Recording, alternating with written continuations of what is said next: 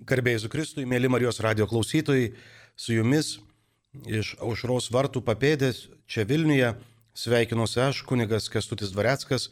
Klausimai ties, kuriais būnam čia, šitų susitikimų metu, yra susiję su mūsų priklausomybių lygomis ir Dievo pastangomis mus iš jų išvesti.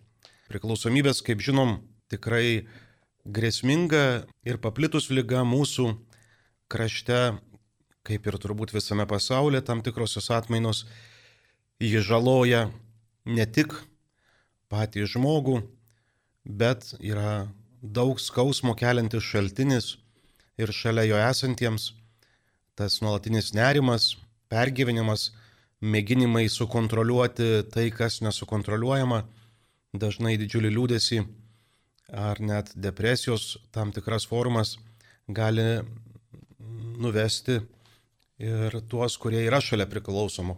Tai sekančiuose laidose galėsim pakalbėti ir apie netiesioginės priklausomybės, apie artimųjų dramas ir ką jiems daryti.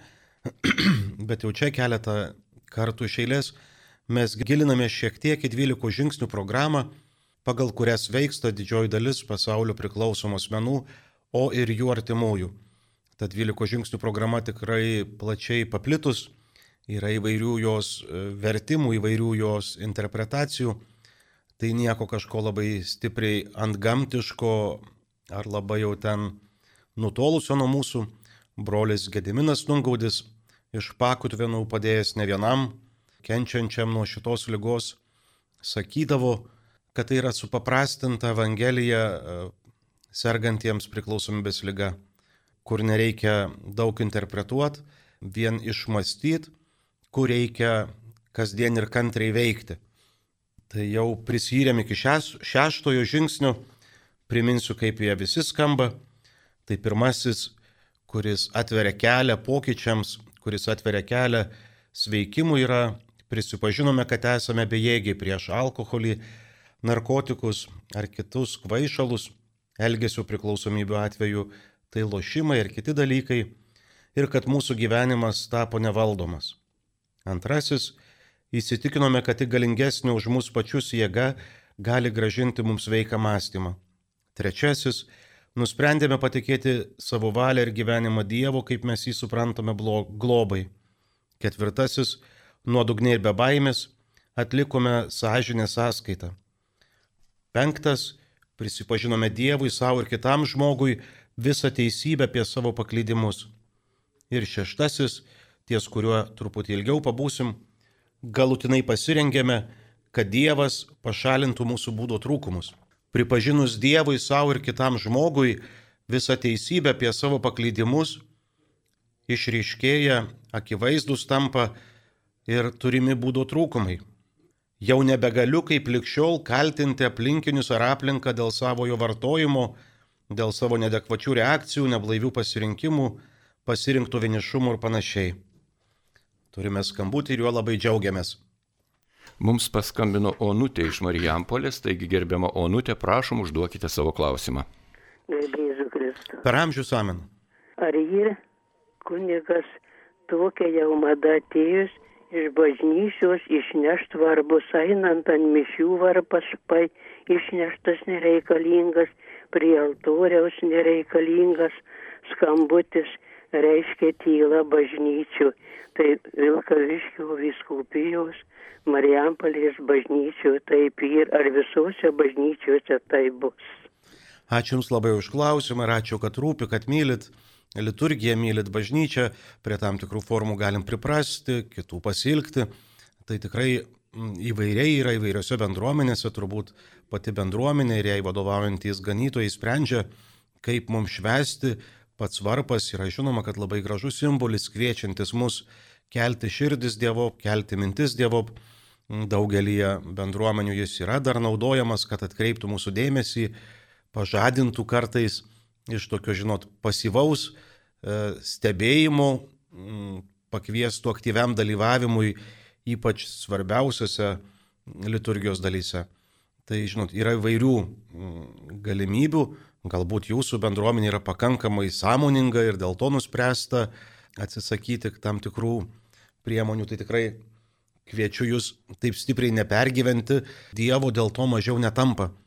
Galbūt tada kitais būdais esam kviečiami įdėmiau jo klausytis, nuoširdžiau jį mylėti. Taigi šeštasis žingsnis. Jeigu iki jo galima manyti, kad aplinkiniai, jei aplinkiniai būtų normalūs, aš tikrai negerčiau, nevartočiau, nemeluočiau ir neįstirikuočiau, neslėpčiau ir nesislėpčiau, tai iki šiol atliktų žingsnių pažadintas, esu kviečiamas prisimti atsakomybę už savo žodžius, reakcijas, pasirinkimus ir galiausiai patį gyvenimą. Patyrus ir tikint, pasitikint besąlygišką Dievo meilę, galiu įsivardinti savo būto trūkumų žinodamas, kad dėl to nesu mažiau gerbtinas ir mylėtinas, mažiau žmogumi. Dievas viską žino, ne tai, ką sunkiai savo pats pripažįstu. Ir tai jam nekliūtis mus mylėti. Šios besąlygiškos meilės padrasintas, Dievo ir žmonių padedamas, atpažįstu ir įsivardinu būdo trūkumus, užuot juos kaip likščiol slėpęs, ignoravęs ar teisinęs. Uždegti Dievui žalę šviesą, sutikti su jo vedimu, jo gydančiu veikimu mūsų patiriamoje realybėje. Turbūt visi atsimenam, kaip labai nuolankiai Naujo testamento puslapiuose Jėzus sergančių klausia, ar nori pasveikti, ką nori, kad tau padaryčiau. Pavyzdžiui, Evangelijui pagal Joną penktajam skyriui ir Evangelijui pagal Morku dešimtajam. Taigi šiame žingsnyje patiriu labai panašiai skambantį klausimą. Ar nori? Ar leidi man tave gydyti, išlaisvinti? Juk tenka pripažinti, kad kartais esam prisirišę prie lyguistų nuostatų, iš ankstinių nuomonių, destruktyvių reagavimo būdų. Nutinka, kad kartai savo ligas brangina manydami, kad jos mus užpildo ar daro ypatingais. Kartais išgyventus, susiformavę problemus sustiprina ir savo tapatybės pajūtimą, leidžia patirti atjautą ar galiausiai pačiam savęs gailėtis. Savo būdo trūkumuose mes galime įstrikti kokiam kalėjime, kurio suvaržymai atrodo lengviau priimami nei laisvės dovanojama atsakomybė ir pareiga rinktis.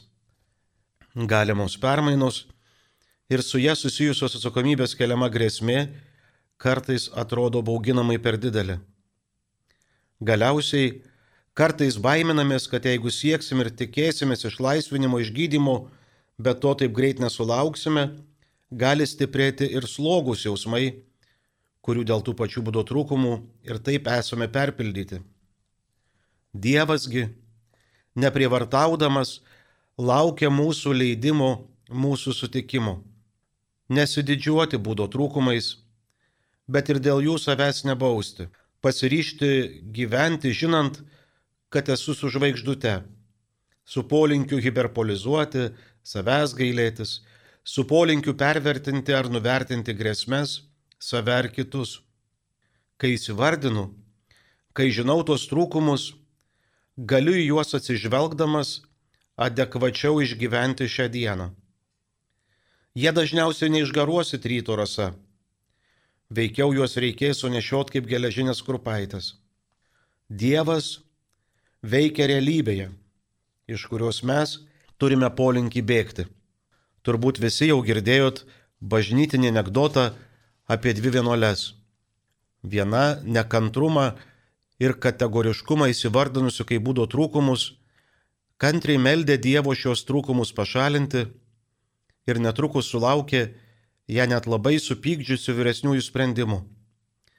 Į vienuolinius namus buvo atkelta jos labiausiai nemėgstame sesutė, kurios buvimas po vienu stogu tik dar labiau išryškino, tik dar labiau apnuogino ją varganančius būdo trūkumus.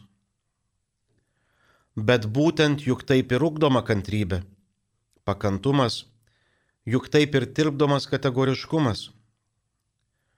Panašiai ir šiame žingsnyje sutinku, kad Dievas darytų, ką tik nori, darytų visą, ko reikia, kad diltų varginantis, bendravimą ir santykius apsunkinantis būdo trūkumai ir ugdytųsi darybės, nauji, sveikesnio į dangų vedančio bendravimo įgūdžiai. išbūti realybėje, kuri ne visuomet patogi iš jos nepabėgant. Nekartą pasakojau apie keistoką maldą, kurios išmokė mane visą randuotą ir prisidirbusi į beviltišką situaciją patekusi priglaudą žmogus. Girdėjau rį kalbant ir mane drąsino suspaudimuose ar kitose situacijose, kurios regis vyksta ir viskas vyksta priešingai nei norime, visose situacijose, kur skauda, kartoti taip man reikia. Kai nerimas neleido užmigti vieną vėlų vakarą, išėjau pravedinti galvą į žvirkelį. Paėmęs rožančių, sukalbėjęs tikėjimo išpažinimą, pripažinęs, kad yra Dievas, kuriam aš svarbus, Dievas, kuriam aš rūpiu, kuriam ne tas pats, ant mažųjų karoliukų kartojau, taip man reikia. Pradžioje jutau savęs merkimą ir pyktį, kurį šiek tiek vėliau keitė bejonė. O gal tikrai? Gal tikrai tai, kas dabar vyksta, yra būtent tai, ko man reikia? ko reikia, kad neišprotėčiau, kad nepražūčiau, ko reikia, kad būčiau išgelbėtas. Ta bejonė leido giliau kvepuoti ir ramiau miegoti. Ir žvelgdamas į aną laiką labai aiškiai matau, iš tiesų, iš tiesų viso to net labai reikėjo man ir dėl manęs. Tad ir šiandienos sunkumuose tariu, man reikia. Taip man ir reikia. Turime trumpą jūsų žinutę. Klausome. Klausytoja rašo, garbė Jėzui Kristui, ar yra Lietuvoje emocinių anoniminių mm, grupių kokie susirinkimai? Dėkuoju. Ačiū už klausimą. Iš tikrųjų yra daug veikiančių savipagalbos grupių ir judėjimų, kai kurių naujai besisteigiančių tikrai ir aš negalėčiau pasakyti, kad, kad tikrai žinau. Žinau, kad jau patirtį turi ir daug kelio, nu jie yra anoniminiai alkoholikai, tikrai padedantis tūkstančiam narkomanai anonimai, lošėjai anonimai, į kur kreipiasi priklausomi nuo šitų e, lygų. Taip pat žinau, kad Lietuvoje veikia priklausomų nuo sekso savipagalbos grupė, o artimiesiems bet su emociniais prisirišimais visokiais, su perdėtų globėjiškumu ir visom kitom tom tokiom ypatybėm, tai turbūt sveikiausia eiti į Alanon priklausomų artimųjų grupę, kurie taip pat veiksta pagal mūsų dabar analizuojamus žingsnius. Kiti kviečiami eiti į SAV grupės, tai yra suaugę alkoholikų vaikai, tai visi, kurie užaugo, susiformavo kaip asmenybės destrukcinėse šeimose, reiškia šeimose, kuriuose trūko harmonijos ir meilės, arba alkoholiu piknaudžiaujančiose, tai dažnu atveju tas pats, bet nebūtinai kviečiami lankyti tas suaugusių alkoholikų vaikų grupės. Ir kaip minėjau, manau, jis yra pasiekę, kad yra visokių naujų iniciatyvų, kurie remdamiesi žingsniais mėgina apsibriežti juos vienijančią problemą ir kartu atsiremdami vienas į kitą, atsiremdami iš šių žingsnių patirtį ir galiausiai į Dievą, judėti iš savo klygatvių. Tai tikrai negalėčiau suformuoti tokio neklystamo ar galutinio atsakymo. Bet kiek žinau ir paveikiausia, sakau, su emociniam visom problemom ir priklausomybėm, jeigu nesikreipsim į specialistus, kas būtų ten kokie nors patyrę psichologai ir psichoterapeutai, tai labai paveiku gali būti savipagalbos grupės Alanon. Šiuo metu kaip tik didžioji dalis grupių savo veiklą mm, perkelia į virtualią erdvę, nes realybėje susitikti tampa pernelyg komplikuota, šiek tiek galbūt nuo to ir sunkiau. Kita vertus, jeigu žvelgti pozityviai, o mes krikščionys esam kviečiami visuomet su viltim žvelgti, matyti galimybės, o ne tai netrukdžius, tai jeigu matyti galimybės, tai tos savipagalbos grupės tapo labiau pasiekiamos visiems, kurie gyvena kiek toliau nuo miestų ar miestelių, kur tos grupės renkasi, kurie turi kažkokių baimių įžengti į tų grupių susirinkimo patalpas. Mm, dažnai jos yra nepagristos, bet tikros, už tas žmogus iš tikrųjų bijo ir iš tikrųjų tai stabdo. Tai vad prisijungti internete prie tų grupių, neskubėti kalbėti, neskubėti su išvadom, atkakliai klausytis, klausytis, kitų kalbančių klausytis, pasižiūrėti, kiek tai atliepia, mm, kiek mums pavyksta tapatintis su girdinomom istorijom ir tada galbūt girdėti galimas išvadas. Tai labai ačiū už klausimą, o dabar kviesiu klausyti mūsų bendruomenės, priklausomos menų bendruomenės aš esu himnu, kurį mums sukūrė, dovanojo Martinas Kuleva, ištikimas bendruomenės bičiulis, kurį atlikti padėjo vėlgi bendruomenės bičiuliai ir turbūt visiems klausytojams puikiai pažįstama iš savo gėdojimų Kristina Žaldokaitė ir bendruomenės aš esu nariai. Tai geros maldos klausant šio himno.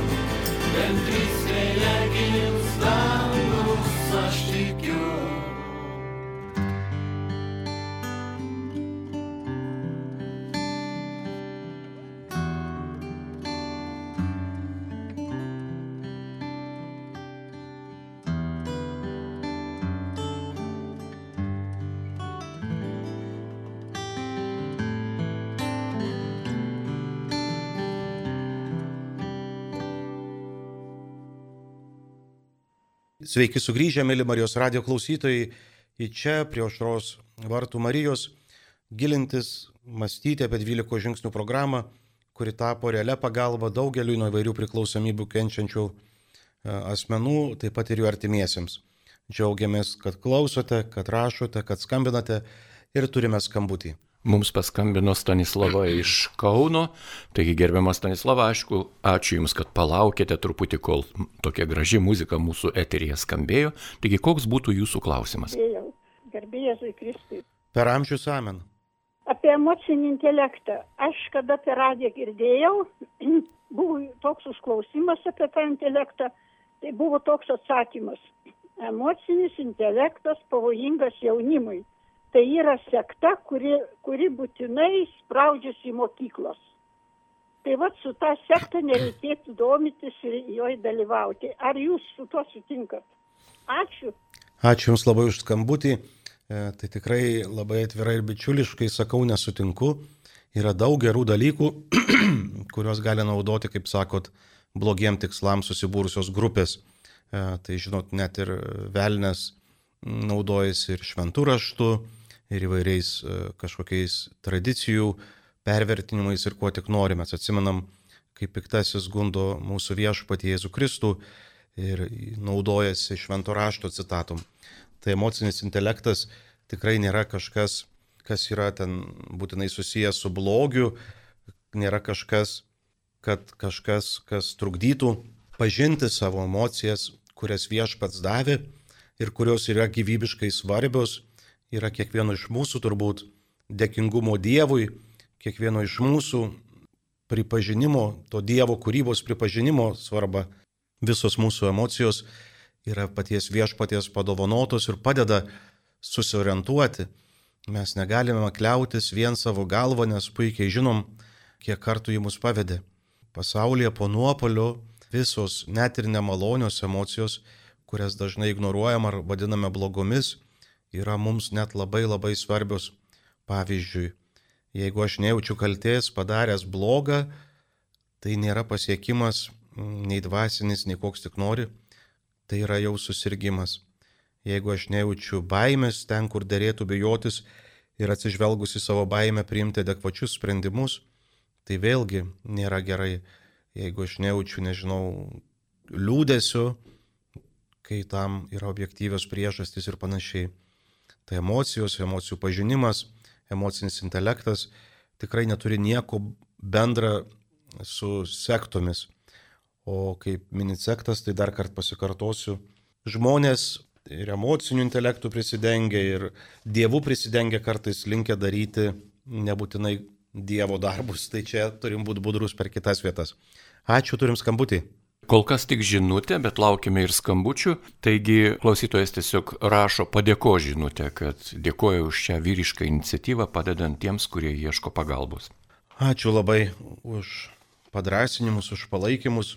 Tarp kitko, šiuo adventų metu ir šiuo nelengvu mūsų krašte metu, kur visi sprendžiam savo klausimus, kur žvelgiant į ateitį, nebegalim pasitikėti tuo, kas mums atrodė patikima, kur esam kviečiami iš naujo atrasti vienintelį e, pamatą, ant ko galim statyti, tai mūsų viešpatie Jėzų Kristų, tai tikrai sulaukiu e, visai nemažai tokių padrasinimų, palaikymų, bendruomenės veiklų ir tas kažkaip labai įkvepia, nes tą atpažįstu kaip, kaip, kaip Dievo darbą dėl kiekvieno iš mūsų. Tai dar liko keletą minučių, tai bandykim, bandykim eiti prie žingsnių. Septintas žingsnis. Aš dėl ko apie juos kalbu žingsnius, gal noriu dar pasiteisinti greitai. Nes labai neretai girdžiu ypač iš tikinčių žmonių, arba va, kai buvo mūsų gerbiama klausytoja, kuri klausė, tai kartais girdžiu, kad va irgi žingsniai yra sekta, žingsniai yra prieš Dievą, žingsniai yra prieš bažnyčią. tai noriu kažkaip labai padėti, nu, kaip ne iš nuogirdų, bet patiems girdėti, kas tie žingsniai ir kaip jie veikia. Taigi septintasis. Nuolankiai prašym Dievo tuos mūsų trūkumus pašalinti. Visi žingsniai, kaip žinom, gimdo ir iššaukia vienas kitą. Šis žingsnis išplaukia iš prieš tai ėjusio, galutinai pasirengę, kad Dievas pašalintų mūsų būdo trūkumus, imamės veiksmų. Ir pirmasis - prašymas. Prašymas kyla susivokus, kad pats, kad vieną savo būdo trūkumo kurpaičių per visą gyvenimą nesunešiosiu. aiškiai suvokus pagalbos iš šalies būtinumą, kreipiuosi draugė su kitais prašydamas pagalbos. Šį žingsnį žengėme kas kart pamatę ir atpažinę būdo trūkumų apraiškas. Tai yra ne vieną kartą visiems laikams, apie ką turbūt dažnas tyliai pasvajojom, o kasdien, kasdien vis iš naujo. Kasdien stiprinamdami savo sąmoningą ryšį su Dievu prašome, kad Jis mus vestų, kad Jis padėtų atpažinti jo valią, ką turime daryti ir suteiktų jėgų ją vykdyti. Prašome, kad mūsų būdo trūkumai nuvedę mus į skausmingo vartotojiško merdėjimo klygatvius netrukdytų šiandien gyventi blaivų ir žmogaus vertą gyvenimą kasdien prašome, kad per dienos įvykius, per gyvenimiškas situacijas jis tirpdytų, dildytų mūsų būdo trūkumus.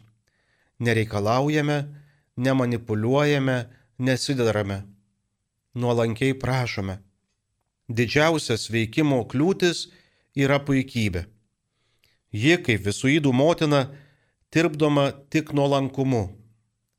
Beje, nuolankumas neturi nieko bendro su savęs niekinimu ar žeminimu, veikiau atvirkščiai. Jis yra brandžios asmenybės bruožas. Ankstesni žingsniai pastatė mus į vietą, išvedę iš ekozentrizmo labirintų, žingsniai leidę pažinti ir išpažinti savo lyguistumų mastą, gausybę pavyzdžių iš likščiolinio gyvenimo sudrebinę mūsų perdėtą pasitikėjimą savimi bei savęs ir savo požiūrių sureikšminimą jau pasėjo nuolankumo sėklą. Šio žingsnio metu esame kviečiami prisimti atsakomybę už šiuos daigelius. Tai yra apsispręsti ir pradėti juos rūpestingai auginti, leidžiant jiems įsišaknysti mūsų mąstysenoje ir veiksmuose. Daugelis į sveikimą atėjome galvodami, kad esame geri, bet nepalankių aplinkybių ar net samokslo teorijų nuskriausti žmonės. Žmonės, kuriems daug kas tiesiog labai nesiseka. Polinkis savęs gailėtis ir patogus įprotis nusimesti atsakomybę kaltinant aplinkinius ir aplinką yra viena iš priklausomybių lygų vizitinių kortelių. Jei kažkada galvojome, kad tam tikros situacijos mums atsitiko, tai darbas su žingsniais aiškiai atskleidžia, kad tos skausmingos situacijos dažniausiai buvo sukurtos mūsų pačių. Nuolankumas tai savojo žmogiškumo prieimimas. Suvokiame, kad esame tik žmonės kaip ir kiti, bandantys daryti tai, kas geriausia. Problema tik, Priklausomybės lygatėme iš mūsų galimybę adekvačiai vertinti, spręsti, dažnai net pažįstame tai, kas iš ties mums geriausia ir nuoširdžiai renkamės kenkti savo. Nuolankiai prašėme. Tai kasdienė pastanga klausyti ir klausti. Kasdienis žingsnių praktikavimas sugražina adekvatumą į mūsų gyvenimus ir pasirinkimus. Labai džiaugiamės sulaukę dar vieno jūsų skambučių. Garbėjus Kristui. Mums paskambino Veronika iš Vilnius, taigi gerbiame Veroniką, jūs eterija. Garbėjai Kristus. Per amžius amins esi. Klausykite, ar gali būti tai, mano sunelis anksčiau dabar guli ligoninėje, labai serga, ar gali būti taip, kad padeda šventas Santanas. Jis labai gėri, visą kitą, bet aš pradėjau melstis į šventąjį Antaną ir prašyti. Ir žinokit, jisai nustojo gerti ir jau dabar trys daugiau kaip trys metai išvis neima. Jis ir anksčiau, kada gerdavo, jis niekada nesėsdavo prie mašinos įsigėręs. Niekada. O dabar, žinokit, jis labai serga, guli ligoniniai, nežinau kokia jo sveikata. Ir dabar antras dalykas, ar gali turėti įtakos tos, kaip sakant, sektos tam reikalui. Ir man uh, trukdo kartais, o man sako, man rodosi nes aš gyvenu pirmam aukšte, o renkasi į antrą aukštą, ypač kada aš pradedu, e, išklausau mišes, viskas, jie, aš gal, man, man, gal galvoju, kad jie man dėl to daro, kad aš jų po mišių nepalaiminu. O ašgi neturiu teisės laiminti. Aš, daleiskim, būna per televizorių mišios pradeda rinktis ir po to prasideda man trukdymai, prasideda skausmai, kojos ir visą kitą. Sako, tau rodosi. Ar čia taip gali būti? Labai ačiū už galybę klausimų ir už liudijimą tame tarpe.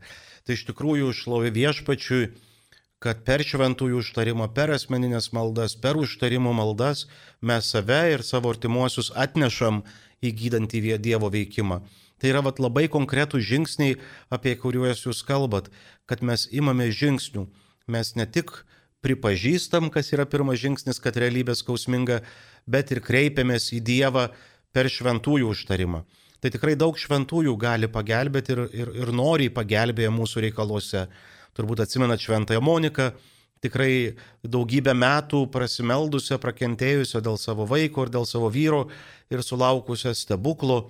Ir jinai šventoji, ir vaikas šventasis, ypatingas bažnyčiui yra ir priklausomų šventųjų danguje. E, galima paguglinti, atrasti Tomas Moras visose reikaluose, uolus pagalbininkas, jūsų minimas Antanas ar visi kiti. O dar dėl laiminimo, tai tikrai norisi tik pasakyti, kad visi esam pašaukti laiminti. Nereiktų galvoti, kad, žinot, kažkurie dalykai labai griežta ta žodžio prasme rezervuoti. Tai visi esam laiminami kiekvienų mišių pabaigoje ir tada gaunam įpareigojimą tai, ką išgyvenom per mišes, ką priemėm per mišes, o priemėm patį Dievo žodį, priemėm patį Dievo kūną, Kristaus kūną, tai esame įpareigojami tuo palaiminimu sustiprinti, būti tuo palaiminimu šiandienos pasaulyje kaimynams, kurie ne visuomet gali būti ten kažkaip tokiu, kokiu norim, būti tuo palaiminimu tiem žmonėm, kurie klystas, kur sako sektos ar dar kur nors. Taip dažnai šiandien girdžiu žodį sektos, kad norisi klausti, ką turim omenyje. O klausimas kitas, trečiasis, kurį pasižymėjau, ar gali būti, kad man atrodo, tai aišku, kad gali. Žinot, mes turim įvairių baimių, turim įvairių pergyvenimų, turim vienišumų, turim žiniasklaidą, kuri pampuoja daug nerimų. Tai gali pradėti ir man atrodyti dalykai ir tuomet geriausia su maldos grupelė, jeigu kuriai priklausot, ten paprašyti bendros maldos, pasikalbėti su namiškiais ir taip toliau. Tai dar kartą labai ačiū už galybę klausimų ir už jūsų gražų tikėjimo liudijimą, kad maldos į šventuosius padeda ir turim dar vieną skambutį. Mums skambina iš Vilniaus valda, taigi ačiū valda, kad lukterėjo. Užduokit savo klausimą. Garbėjai Zikrai. Per amžius amen. Mano klausimas tai bus trumpas, tik, tikiuosi ilgo atsakymo. Esu jau netoli seniorės amžiaus ir iki šiol tikim, viskas tvarko ir mano vaikai sutvarkyti, šliubas, viskas ten. Bet aš negaliu pati savo, negaliu įsiaiškinti, kuo skiriasi, aš esu katalikė, bet yra krikščionys katalikai, o ir krikščionys. Nu, va, aš nesuprantu mhm. skirtumo. Būkit malonus, paaiškinkit mane, ačiū. Gerai, labai labai ačiū Jums už klausimą. Žinot, su tais ilgais atsakymais mes kunigais kartais turim bėdą, kad į paprastus klausimus labai bandom sudėtingai atsakinėti. Tai vis dėlto gal nuvilsiu, ne, ne, neįsiplėsiu labai stipriai ten sakote, esam katalikai, esam sutvarkyti ir taip toliau, tai norisi sakyti, kad tai nėra kažkokia didelė garantija e, tie visi sutvarkymai, jeigu neleidžiamiems veikti.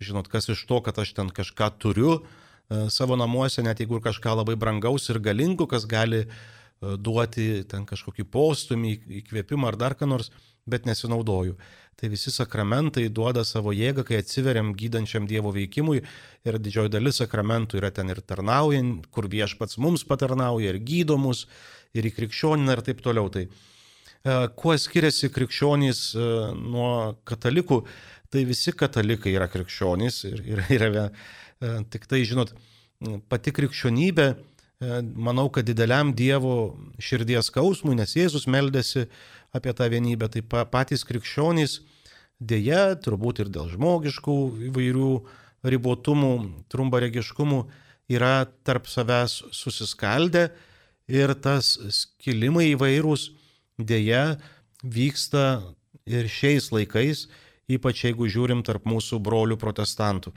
Tai tikrai yra daugybė bendruomenių, bendruomenyčių, tai krikščionys yra visi pakrikštyti tresmenio Dievo vardu. o tada jau kuriai e, konfesijai, taip vadinama, priklauso, ar katalikam, ar broliam ortodoksam, ar liuteronam, ar baptistam, ar sėkmininkam, ar, ar kitai krikščionių bendruomeniai. Tai mes esam Romos katalikai, kaip sakoma, mes esam krikščionys, esam katalikai. Ir ir, ne arba arba. Tai vad, sakytumėm taip liaudiškai, kad krikščionys tarp savęs šiek tiek vad skirtinguose stalčiukuose, bet melskim ir tikėkim, kad Dievo troškimas Jėzaus malda įsipildytų ir kad visi krikščionys sudarytų vieną bažnyčią, kad pasaulis įtikėtų. Viešpats Jėzus taip meldė. Ir mes krikščionys turim maldų iš krikščionių vienybę savaitę, kur visų bažnyčių, nesvarbu, kad šiandien dar ten diskutuoja, nesutarė tam tikrais klausimais, kad visi pakrikštytieji būtų pašaukti į vienybę, kad Dievas tą savo darbą, galingą darbą tikrai atliktų. Tai ačiū už klausimus ir tada greit grįžkim prie septinto žingsnio ir pabandykim rezumuoti. Taigi siekiant nuolankiai priimti reiškinius žmonės ir save patį, būtina įsaugoti vidinę ramybę. Septintojo žingsnio kasdienis praktikavimas ir yra vidinės ramybės saugojimas, nes ją praradus labai lengva vėl įsitraukti į karą su aplinka ir pasauliu, lengva pasikelti į puikybę, egoizmą, nupulti į savigailą ar pavydą ir galiausiai vėl atkristi. Jei priklausomybės neturintis žmogus dar gali kurį laiką gyventi su išlygomis, tai sveikstant nuo priklausomybių, to viduriuko nebelieka. Turime arba kilimą į kalną per kasdienį tobulėjimą, per dvasinį tobulėjimą, arba grįžimą atgal. Negalime ne tik saikingai pavartoti, bet ir saikingai pameluoti, saikingai būti nesažiningas ir panašiai.